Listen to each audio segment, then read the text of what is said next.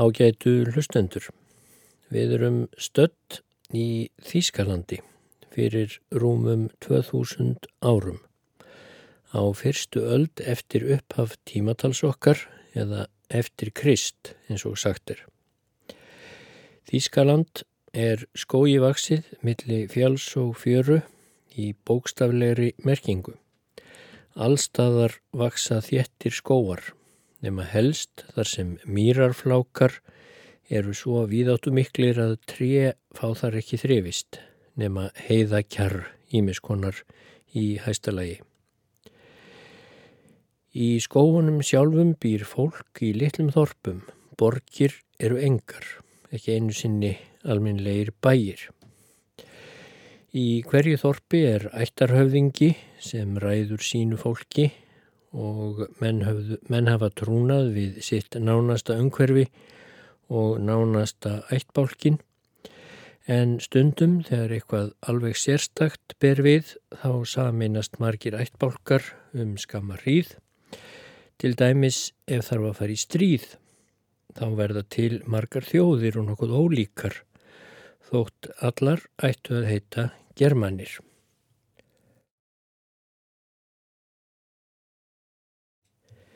Germanir þó aðeins svona í stórum dráttum. Við förum yfirleitt að dæmi Rómverja sem kalluðu íbúa á þessu svæði, Þískalandi, þótt enginn kallaði svæði Þískaland í þá daga. Rómverjar kalluðu íbúana þarna Germani. Það er helst talið að orðið merki einfallega nágranna. Á fyrir tíð var yfirleitt litið svo á að germanir þessir hefðu á fyrstu öld talað engöngu germanskar tungur og búið nokkur neginn á þessu svæði sem núna er Þýskaland, skílinn millir þeirra annarsvegar og kelta eða galla í vestri hinsvegar hafi leið svona nokkur neginn um rínarfljót.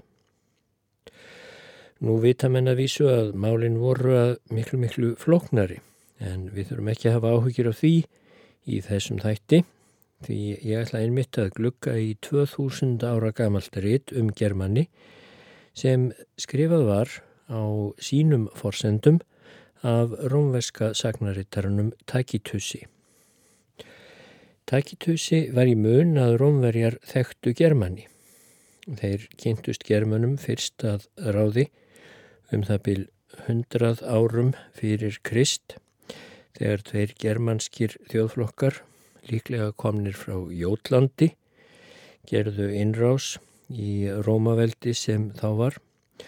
Setna kynntust þeir germanum enþá betur þegar Július Cæsar lagði undir sig hinn að fornu Gallíu eða Frakland um miðja fyrstu öld fyrir Krist. Þá urðu germanir sangkallaðir nágrannar Rómaveldis. Þátt eftir að ganga á ímsu í þeirri sambúð. Stundum var allt í lukkunar velstandi og margir germanskir ættbálkar urðu vínir þjóðverja og bandamenn og fjölmargir germanir þjónuðu í rómverska hernum. En þeir þóttu vera kvíkulir og stundum slettist upp á vinskapin eins og þegar, þegar germanski herfóringin Arminius skar upp herur gegn Rómaveldi árið nýju eftir Krist og ger eitti nokkurum romverskum hersveitum í skóginum Dimma, Teftóborgarskógi. Þá reyttust romverjar erlega og ætluð að leggja undir sig alla Germaníu en gáfust upp á því eftir nokkur ár. Þeir rökluðust út úr skóunum Dimmu og lögðu síðan næstu áratugi í að halda aftur af germanum frekar en að sigra þá. Sú var staðamála þegar Takitus skrifar sína bók. Hann skrifaði annála og frásagnir af sínum tíma á fyrstu öldinni eftir Krist. Hann skrifaði um keisara og stór orustur, um bækur hans, gangaðir ljósum logum, Tiberius, Caligula og Nero. En svo skrifaði hann líka litla snotra bók um Germani. Bókin heitir bara Germania og hefst nú brátt lesturinn. Ég hlýtt þó fyrst að taka fram að Takitus þykir hófstiltur og nákvæmur sagnarittari, það minnst að kosti hófstiltari og nákvæmari en margir sagnarittarar aðrir um hans daga. Hann fór yfirleitt ekki með mikið fleipur. Talið er að Tacitus hafi skrifað bókina rétt fyrir árið hundrað. Hann fór aldrei til Germaníu sjálfur og þurfti því að reyða sig á eldri heimildaritt og frásagnir annara. Til dæmis má rekna með því að Tacitus hafi stuðst við rittfræðimannsins Pliniusar eldra um Germaníu sem komið hafði út aldarfjörðungi eða 30 árum fyrr. Plinius eldri er annars kunnastur fyrir það að hafa rittað um náttúru hlutana og farist síðan í eldgóðsinu í Vesúíusi sem lagði Pompei í rúst. En hlustundur verða sem sagt að hafa í huga að bókin er ekki endilega best heimild um Germaníu eins og landsvæðið og fólkið þar voru í raun og veru. Heldur er hún frekar heimild um það sem mentaður ómverjar vissu eða töldu sig vita um Germaníu og Germani. Og Svo má ég vel vera að viðhorf takitussar til síns nánasta umhverfis og samtíðar sinnar á Ítalju hafi litað frásagnir hans, hvort sem hann gerði sér sjálfur grein fyrir því eða ekki. Eftir að Rómaborg var orðin heimsborg og Rómaveldi mest stórveldi í heimi, þá voru sagnarittara rómverskir ótrúlega gjarnir á að líta með söknuði til hérna óspiltu tíma fyrrum tíma sem þeir töldu glataða. Spilling og sori stórborgarinnar hefðu nú færst yfir allan heiminn en fyrr á tíð hefðu rómverjar verið degðum prittir, heiðarlegir, tröstir og reynskiptnir annað en núna, hugsuðu þeir. Og fyrir utan að gráta sína hornu fortíð, leint eða ljóst, Þá færðu þeir gjarnan sína gömlu kosti sem þeir trúðu að hefðu einkjent rómversku þjóðina í sína fáru árdaga. Þeir færðu þá kosti gjarnan yfir á barbarana, villi þjóðirinnar sem þeir töldu sig þurfað að leggjað velli en dáðust á alltaf svo litið að í laumi. Þið skuluð hafa þetta í huga þegar ég les nokkra af köplunum hér á eftir. Þar má ég vil finna frummynd hins göfuga villimanns sem vesturlandabúar fóru að dást svo mikið að 1700 árum setna eða svo. Það eru hinnir einföldu hjartarheinu villimenn sem þó lág svo mikið á að sigrast á og kúa. Rétt eins og Rómverjar ætluði sér lengst af að knésétja Germani þótt að færi á annan veg. Rétt er að taka fram að þótt á nokkrum stöðum farið sitt hvað milli mála í frásögn tækitussar til dæmis um þjóðir og hvað eru þjóðir og hverjar þjóðar eru þessar þjóðir þá hyrði ég ekki um að nefna þessa staði í þetta sinn nema kannski á einstakastað. Því hér á bókin Germania eftir Publius Cornelius Tacitus að fá að njóta sín frekar en endilega sannleikurinn um Germani á hans dögum sannleikur sem við þekkjum svo sem ekkit endilega betur en hann gerði. Dýðinguna á bókinni gerði Pál Sveinsson, hún kom út hjá Þjóðvinnafélaginu árið 1928 eða fyrir 91 ári. Pál þýtti líka Gallastríðin eftir Július Cæsar, hann var lengst af velmetin yfirkennari við mentaskólan í Reykjavík. Og svo lefi ég mér að hvetja útgefendur landsins til að ráða nýjan íslenskan þýðanda til að koma hinn um stærri sögulegu verkum tækitussar á okkar tungu. Það er ekki setna vætna. En þá hefst lesturinn.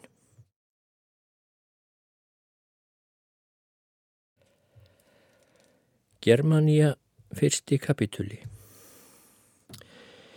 Germaníu er svo í sveit komið að vestanaðinni eru gallar og rín á milli en að sunnan retar og pannónar en það eru nokkur veginn þau svæði þar sem nú eru Sviss og Östuríki og rennur dóna á milli þeirra og germana. Að austan eru Dakar og Sarmatar og eru í milli þeirra fjöll og beigur á báða vegu. En ég hlýtt að skjóta því að að þær þjóðir sem hér eru að kalla þeir Dakar og Sarmatar geta svona nokkur negin að breytu breytanda samsvarað rúmenum og pólverjum á okkar dögum. En Takitus heldur áfram. Allur sáluti landsins sem norðar er likur að úthafinu eistrasalti og skerast inn úr því flóar miklir með geysistórum eigaflákum. Nýlega eru þar kunnarordnar þjóðir nokkrar og konungar þeirra og hafa styrjaldir leitt til þess. Áinn Rín sprettur upp í þvernýftum fjallatindi þar sem heita hinnir retísku alpar og engum er fær nema fugglinum fljúandi. Begir svo áinn lítið eitt til vesturs og fellur norður í útsægin.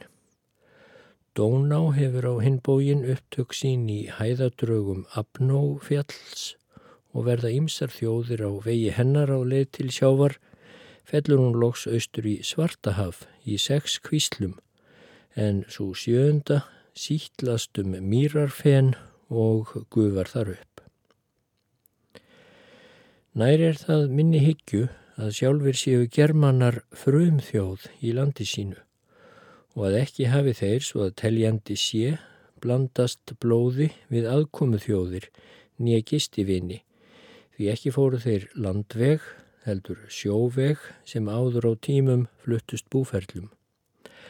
En sjálfgeft má það heita að skip frá vorum löndum sikli um hinn endalösa um sjá sem er úti fyrir Germaníu og mér likur við að kalla örðuglindan. Hver myndi líka hætta sér út á hið upna og ókenda haf og fara frá Asíu, Afríku eða Ítalíu til að leita upp í Germaníu sem er svo ríkalegt og hrjóstrugt land með óblíðu loftslægi og svo ömurlegt álitum og óvistlegt, já nema þá sá einn sem þar á að ætlandi að hverfa.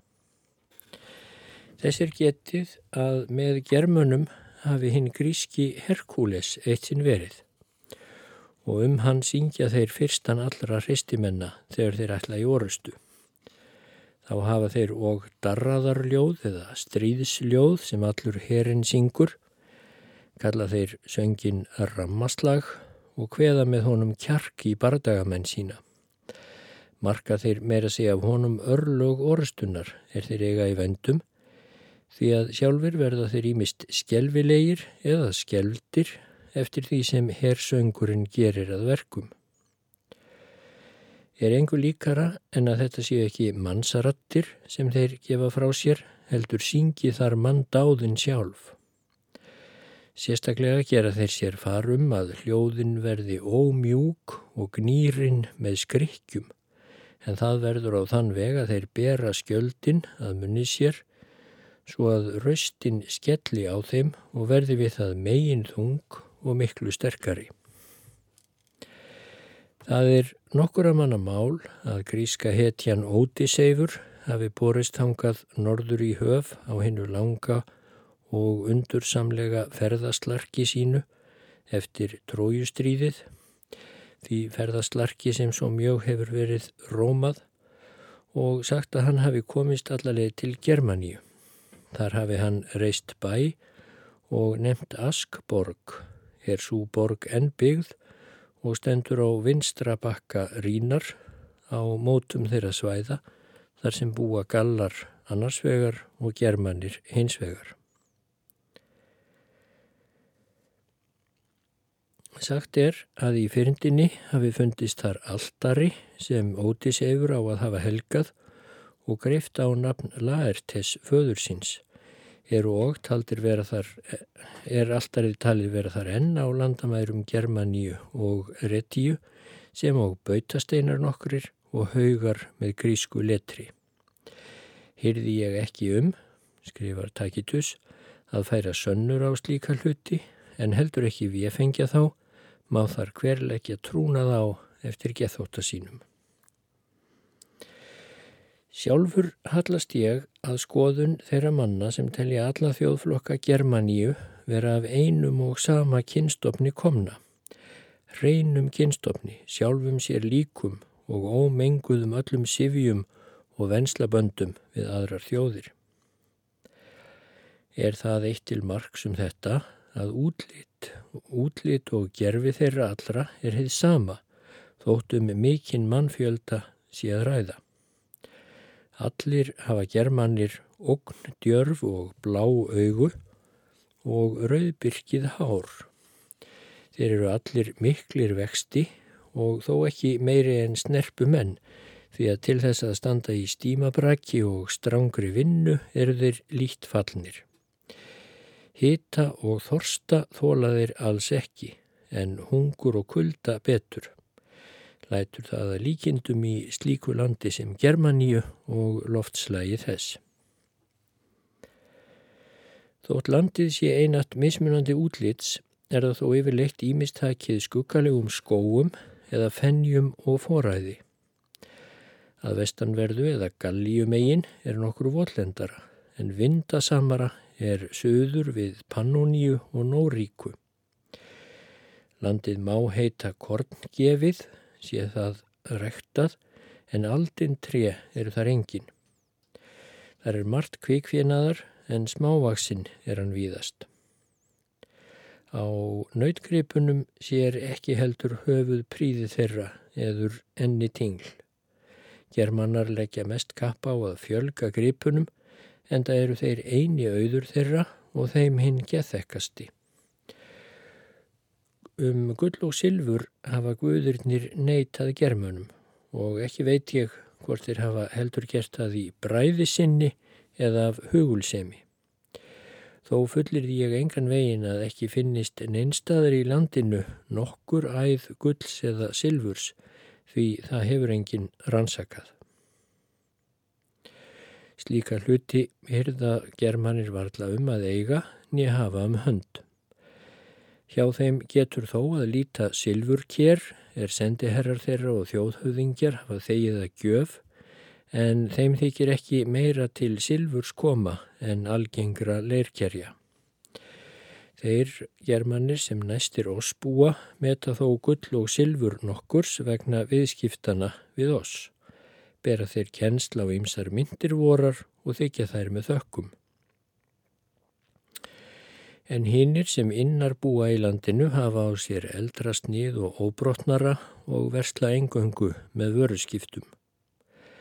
Helst vilja þeir gamla peninga sem þekst hafa um langan aldur, slægjast þeir fremur til silfurs en gulls og er það ekki af nefni ofur ást á silfurinu, heldur af hinnu, að silfurpeningarnir eru þægilegri í meðförum ef kaupa þarf ódýra muni og margskonar. Ekki er heldur mikið um járn hjá germönum að því að ráðam á að vopnum þeirra. Fáir bera sverð eða langar kesjur en gablokk hafa þeir er á þeirra máli heita fremjur. Það eru spjót með mjóum og stuttum brandi en svo hörðum og handægum að sama vopnið má nota í návíi eða fjárvíi eftir því sem þörf krefur. Rittarar hafa engöngu skjöld og frenju en fótgönguliðið jafnframt kastspjót og hefur hver maður fleiri en eitt spjót. Skjóta þeir svo langt að furðum sættir, æfinlega standa þeir berstrýpaðir í styrýði eða í hæstalagi í léttum kirtli. Engir eru germanir sundurgerðarmenn í klæðaburði en skildi sína príðaðir þó með hinnum ásjálegustu litum. Fáir þeir að bera brinnjur og valla þekkist að nokkur maður beri hjálm úr járni eða leðri. Hestar þeirra eru gorki fráir nýja fengulegir og ekki hafa þeir verið tamtir til snúninga í ymsar áttir svo sem með oss er títt. Er hestum þeirra stýrt beint áfram eða þá öllum í einu snúið til hægri handar í svo þéttum hverfing að engin verður síðastur. Þegar alls er gætt má reyndar segja að megin styrkur germana sé í fótgönguliðinu fremur en rittaraliðinu. Fyrir því er það látið berjast innan um rittarana en þeir eru fótgönguliðismennirnir svo fráir á fæti að þeir standa þar að ölluleiti jafnfætis ríðandi mönnum. Fótgönguliðs hermenn germanna eru úrval æskulíðsins þeirra og standa jafnan í fylkingar brjósti. Er og tala þeirra takmörguð, hundrað eru teknir úr hverju sveit og kallast þeir sjálfur hundrað rekkar, táknaði það í öndverðu töluna eina en varð síðar nafnbót og virðingarheiti. Germanir fylgja hamalt sem svo er kallað, sem einnig er kallað að svínfylgja. Að hopa og hæl er fremurtalið merki um herrkensku en óta ef það veit á nýja allugu lík fallina félaga sinna nema þeir æfinlega á brott af vigvellinum ef þeir mögulega geta, jáfnvel áður en sigurinn er vís. Að skilja eftir skjöld sinn í bardaga er talin höfuð skömm og svo er sá neistur er slíkt hendur, er slíkt hendir að ekki þykir hann við helgihöld hæfur nýja á þingum þeirra, nema þá hann endur heimti skjöld sinn með einhverjum hætti. Þess eru líka dæmi að margir þessara manna sem komist hafa lífsaf úr ófriði hafa afplánað smánina með hengingarólinni. Það er að segja svift sig lífi frekar en þóla þá smán að hafa komist lífsaf úr bardaga en glatað skildi sínum. Konunga kjósa germanir hinn að ætt guðugustu menn en hertoga kallaðir þá sem hraustastir eru.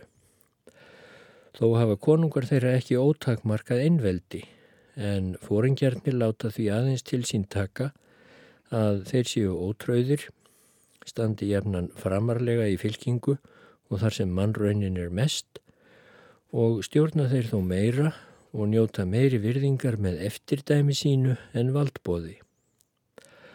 Þó er það engum leifilegt nema prestunum einum að refsamönnum setja þá í bönd eða berja þá, þótt ekki sé meira að gert.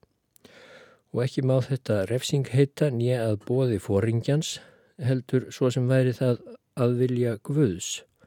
Þess guðs sem þeir telja vaka yfir orðstunni, víga drótt til fulltingis. Þá hafa þeir með sér til bardagans helgimyndir og tákn sem þeir hafa numið á brott úr helgum lundi og taka með sér í stríðið.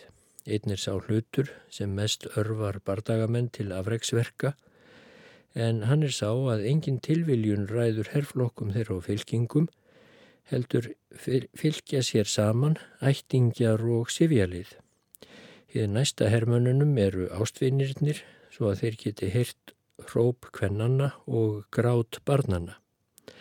Þetta eru þeim hinn helgustu vittni framgöngu sinnar og þeirra lof metta þeir mest og þeirra kvartningu fylgja þeir. Til maðra sinna eða eiginkvenna flýja þeir með sár sín og ekki skýrast þær við að telja sárin eða grand skoða þeir. Þá flytja konurnar og bardagamönnum snæðing og ekkjunar orð. Það er í Frásögur fært að herrflokkar nokkrir sem teknir voru að hörfa undan og gugna verið, snú, þeim hafi verið snúið við af konum með staðfestu og bænum. Er ótuðu fram berum brjóstunum og letu um leið hermönunum fyrir sjónir yfirvofandi ánauð þeirra. Sem þeir ótuðust miklu meira vegna kvennana en sjálfra sín. Fyrir því verði eindrækni þeirra þjóða miklu meiri sem skuldbundnar eru til að framselja tíinborðnar megar í gíslatölu. Það er ótrú manna að konurnar séu nokkur leiti helgar og forspáar. Fyrir því eru ráð þeirra vel þegin og svör þeirra talin góð og gild. Og það vitum við að á dögum Vespaníanusar keisara í Rómaveldi Þá var veletan okkur lengi veltalinn guðleg vera með flestum þessara þjóðflokka, en hún var einn helsta kvenhetja þeirra. Æðistur guða þeirra er Merkur, sem svo heitir meðal oss og hveður svo ramtað dýrkun hans að á ákveðnum dögum þykir þeim hlýða að færa honum mannfórnir. Þá blíðka þeir og guði sem verköllum Herkules og Mars með venjulegum dýrafórnum. Nokkrir meðal svefa sem eru einn þjóð germana blóta einnig Ísis. Veit ég ekki með einum sanni af hverju þessi erlenda blótvenja stafar nýja hvaðan hún er komin en Ísis er komin frá Egiptalandi en virðist þó vera dýrkuð meðal hinn að germansku svefa. Það eitt má telja víst að aðfengin er hún því að líkan giðjunar er sem létti skúta í lögun en léttar skútur eiga germanir ekki. En hitt telja þeir ekki sambóðið hinnum mikla guðdómi heimintífana að byrkja goðin innan vekkja eða sína þau í gerfi döðlegs manns. Þeir hafa helga skóarlunda og gefa ími skoðanöfn þessari huliðsveru sem þeir sjá þar eða þykjast sjá í bæninni einni og tilbeðslunni. Á spásagnir og hlutkesti leggja germanir meiri trúnað en nokkur önnur þjóð. Er meðferð hlutkesti sinns næsta óbrotin. Þeir sníða grein af aldintrija og hluta hana í smá búta sem þeir aðgreina með mismunandi merkjum, strás og bútunum án greinarmunnar og af handahófi á kvítt klæði. Að því búnu gemur prestur þjóðflokksins ef spáfréttin er fyrir hönd þjóðarinnar allrar en annars heimilisfadurinn ef spá fyrir, á fyrir um hag fjölskyldunar og lítur presturinn eða heimilisfadurinn upp til heimins og ákallar guðina en tekur því næst hvern bút þrísvar sinnum upp. Svo þýðir hann hlutkestið af merkjum þeim sem á bútana voru sett. Ef hlutkestið er andstætt þeirri bón sem fram var borin er öllum spáfréttum lokið þann daginn. En ef svarið þykir heilafænlegt er annara spásögna auk þess leitað hínu til staðfestu. Sá síður þekkist og norður þar að leita frétta af gargi eða kvaki fuggla og af flugi þeirra er einstætt, einstætt má það telja með þessari þjóð að freysta fyrirbóða og spásagna af hestum.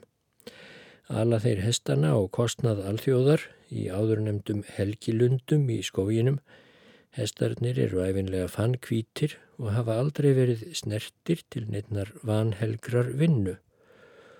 Og þegar þeim hefur verið beitt fyrir guðavagnin, þá fylgir presturinn þeim og konungurinn eða þjóðhauðingin og aðtúa þeir nú negg hestana og frís. Engin VF-rétt hefur á sér meiri helgi en þessi, ekki engöngu meðal líðsins, heldur og meðal höfðingjana. Því germannar telja prestana að vísu þjóna drottins, en hestana telja þeir vera trúnaðarverur hans. En er svo tegund VF-rétta hjá þeim, er þeir vilja vita fyrir úrslit gegvanlegurar orustu, að þeir láta fanga sem þeir hafa með einhverju móti handsamað frá óvinna þjóðinni heia einvíi við einhver landa sinna sem til þess hefur verið kjörin og skal hvor hafa sín hefðbundnu vopn. Og eiga svo örlög ófriðarins að fara eftir því hvor þessara manna ber hærri hlut og barist er allt til dauða. Um hinn minnimál ráðgast höfðingjarnir einir en um stórmálin allir. Þó svo að einnig þau mál sem alþýðan á dómsatkvæði um koma reyndar fyrst til kasta höfðingjana. Menn koma saman á ákveðnum dögum ef engin óvænt atvik hamlaði, er það helst með nýju tungli eða í fyllingu tungls, því að þann tíma telja þeir horfa til mestra hylla fyrir allar aðtapnir. Ekki telja þeir í dögum, svo sem okkar er síður, heldur í nóttum, Við nætturnar miða þeir ákvarðanir sínar og samþyktir. Það er eins og hjá þeim farir nóttin fyrir en dagurinn komi síðar. Af frelsi germana leiðir þann löst að þeir koma ekki allir saman í einu nýja heldur eins og þeim værið að skipað. Þegar fara einast tveir, þrýr dagar í droll þegar þeir eiga að vera mættir á einhvert stað. En er þeir þykjast nógu fjölmennir ornir þá setjast þeir nýður og allir vopnaðir.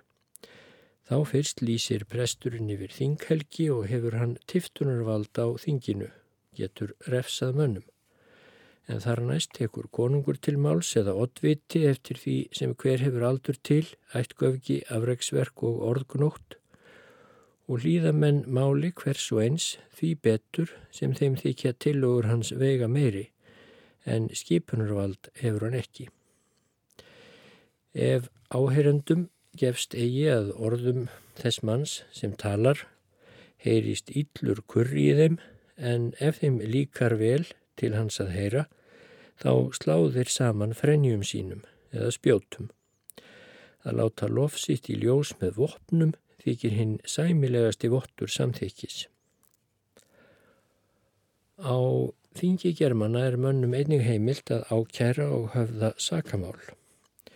Fer refsingin eftir afbrótunum, svikarar og liðhlaupar eru hengtir í trjám en skræfur og ragmenni og fúllífismenn eru kefðir í fór og mýrarfennjum en viðjum kastað yfir. Þessi tvennskonar döðarefsing er til þess ætluð annars vegar að vekja aðtíkli á glæpunum með því að sína refsinguna og hins vegar að fela smánina sjónum manna. Þá eru líka til vægari refsingar sem lagðar eru á við minni ávirðingum og fara þær eftir atveikum skal hinn seki greiða hesta til dæmis eða fjenað í bætur, fær konungur eða þjóðfélagið annan hluta sektarfjárins, en sakar aðli hinn eða ættingjar hans. Á þingum þessum eru ókjörnir oddvittar sem domgæslu hafa í héræði og þorpum. En hverjum þeirra eru fengnir hundrað aðstóðarmenn úr flokki alþýðu til ráðleikinga og fulltingis. Engin er sá hlutur hvorki fyrir almenning nýja einstakling að germanir geri hann óvopnaðan, óvopnaðir.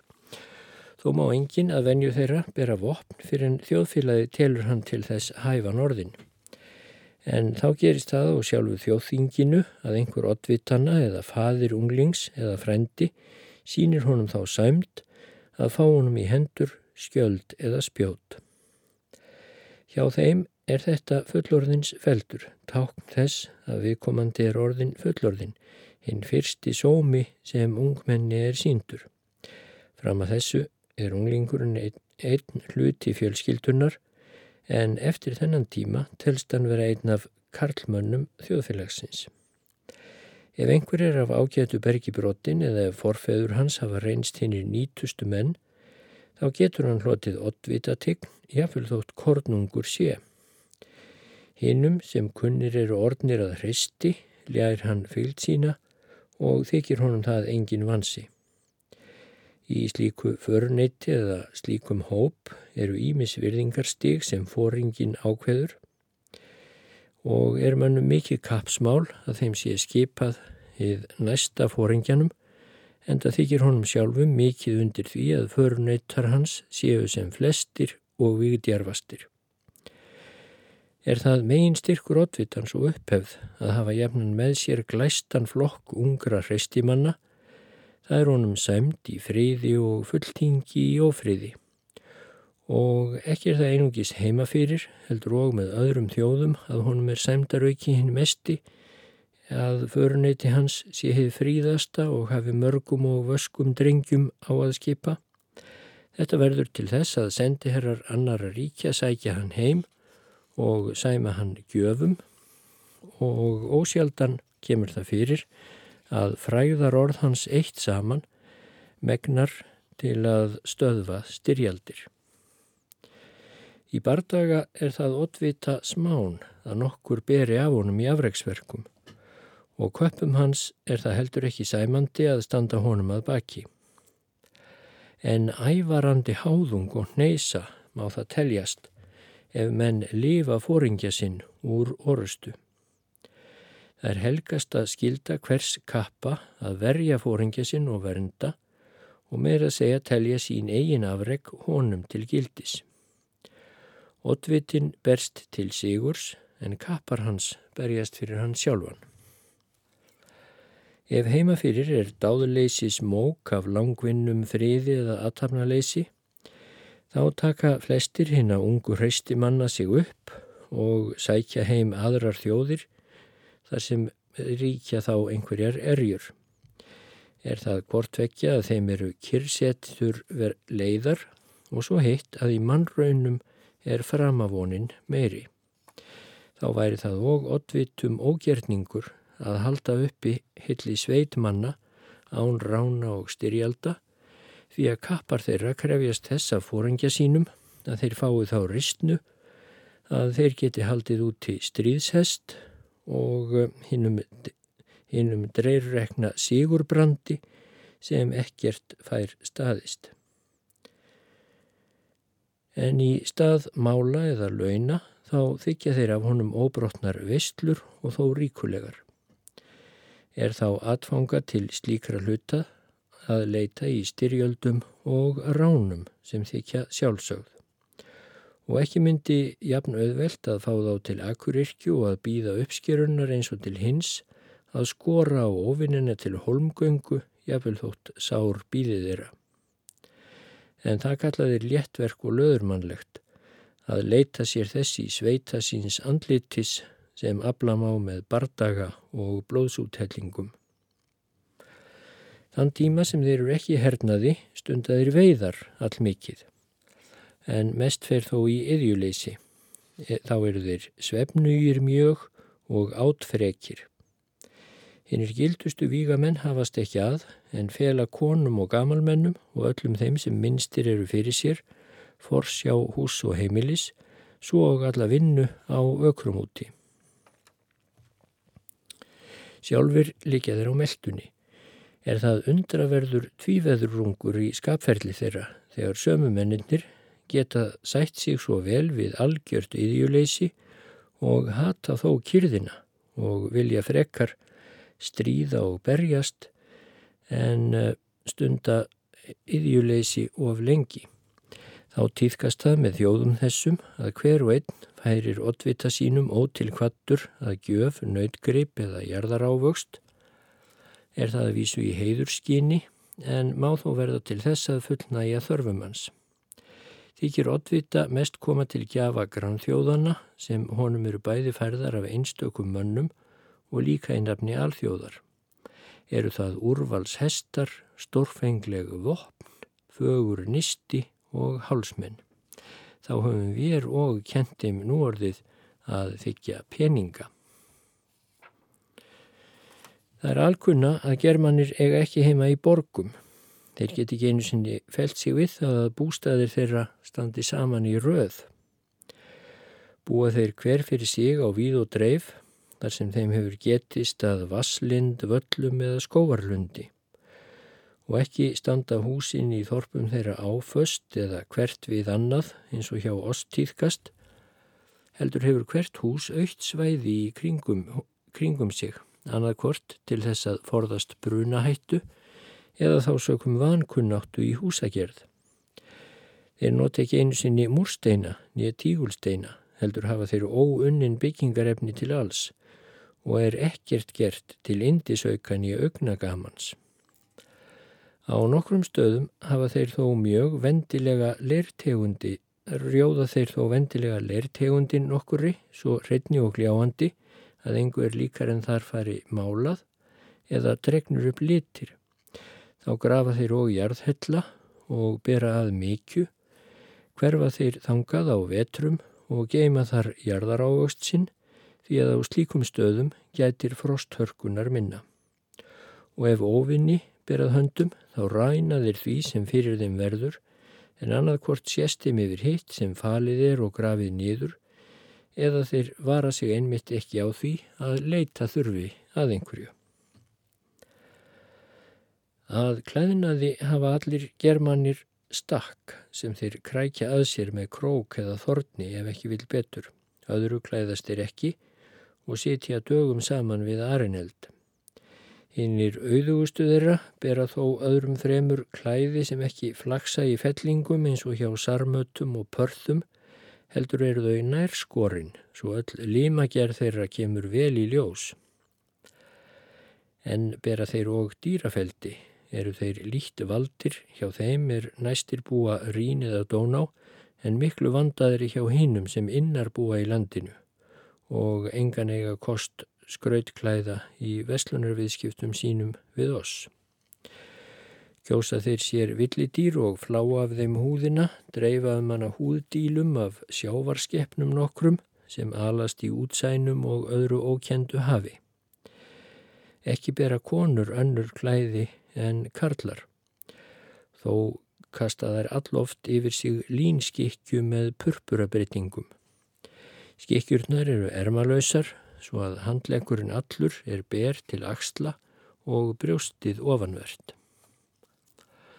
Þó er skýrlífis vel gætt í hjúskap germana og er engin þáttur lofsverðari í háttum þeirra en skýrlífið.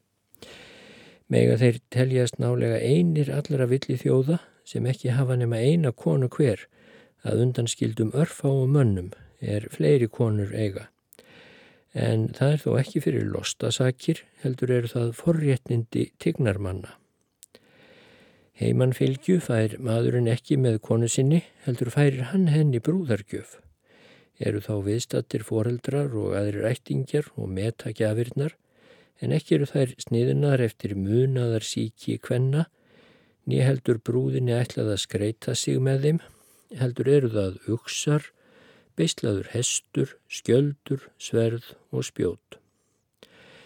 Við þessum gjöfum verður konan eign mannsins, en sjálf færir hún honum þá einhver vopn í mót. Þetta telja germanar heið traustasta tryggðaband, hulin helgidóm og hylla goð hjúskaparins. Nú má konan ekki ætla að henni sé ekki skilt að hugsa um drengilegar dáðir, eða að styrjaldur og mannraunir komi henn ekki við. Fyrir því eiga einmitt þessir helgisýðir að upphafi hjónabandsins að vera henni merki þess að framvegis verði hún að þóla þrautir og háska með manni sínum og láta eitt yfir þau bæði ganga í friði sem ófriði. Þetta sína henni sameikis uksarnir, hesturinn með öllum reyðtíum og vopnin sem henni voru fengin. Þannig verður hún að lifa og deyja. Og ekki má henni það diljast að þar tekur hún við þeim hlutum sem hún á síðan og verður að skilja oflekkuðum og fullgildum í hendur sónum sínum og tengdadætrum en þær eiga svo að fá þá aftur barnabörnum hennar.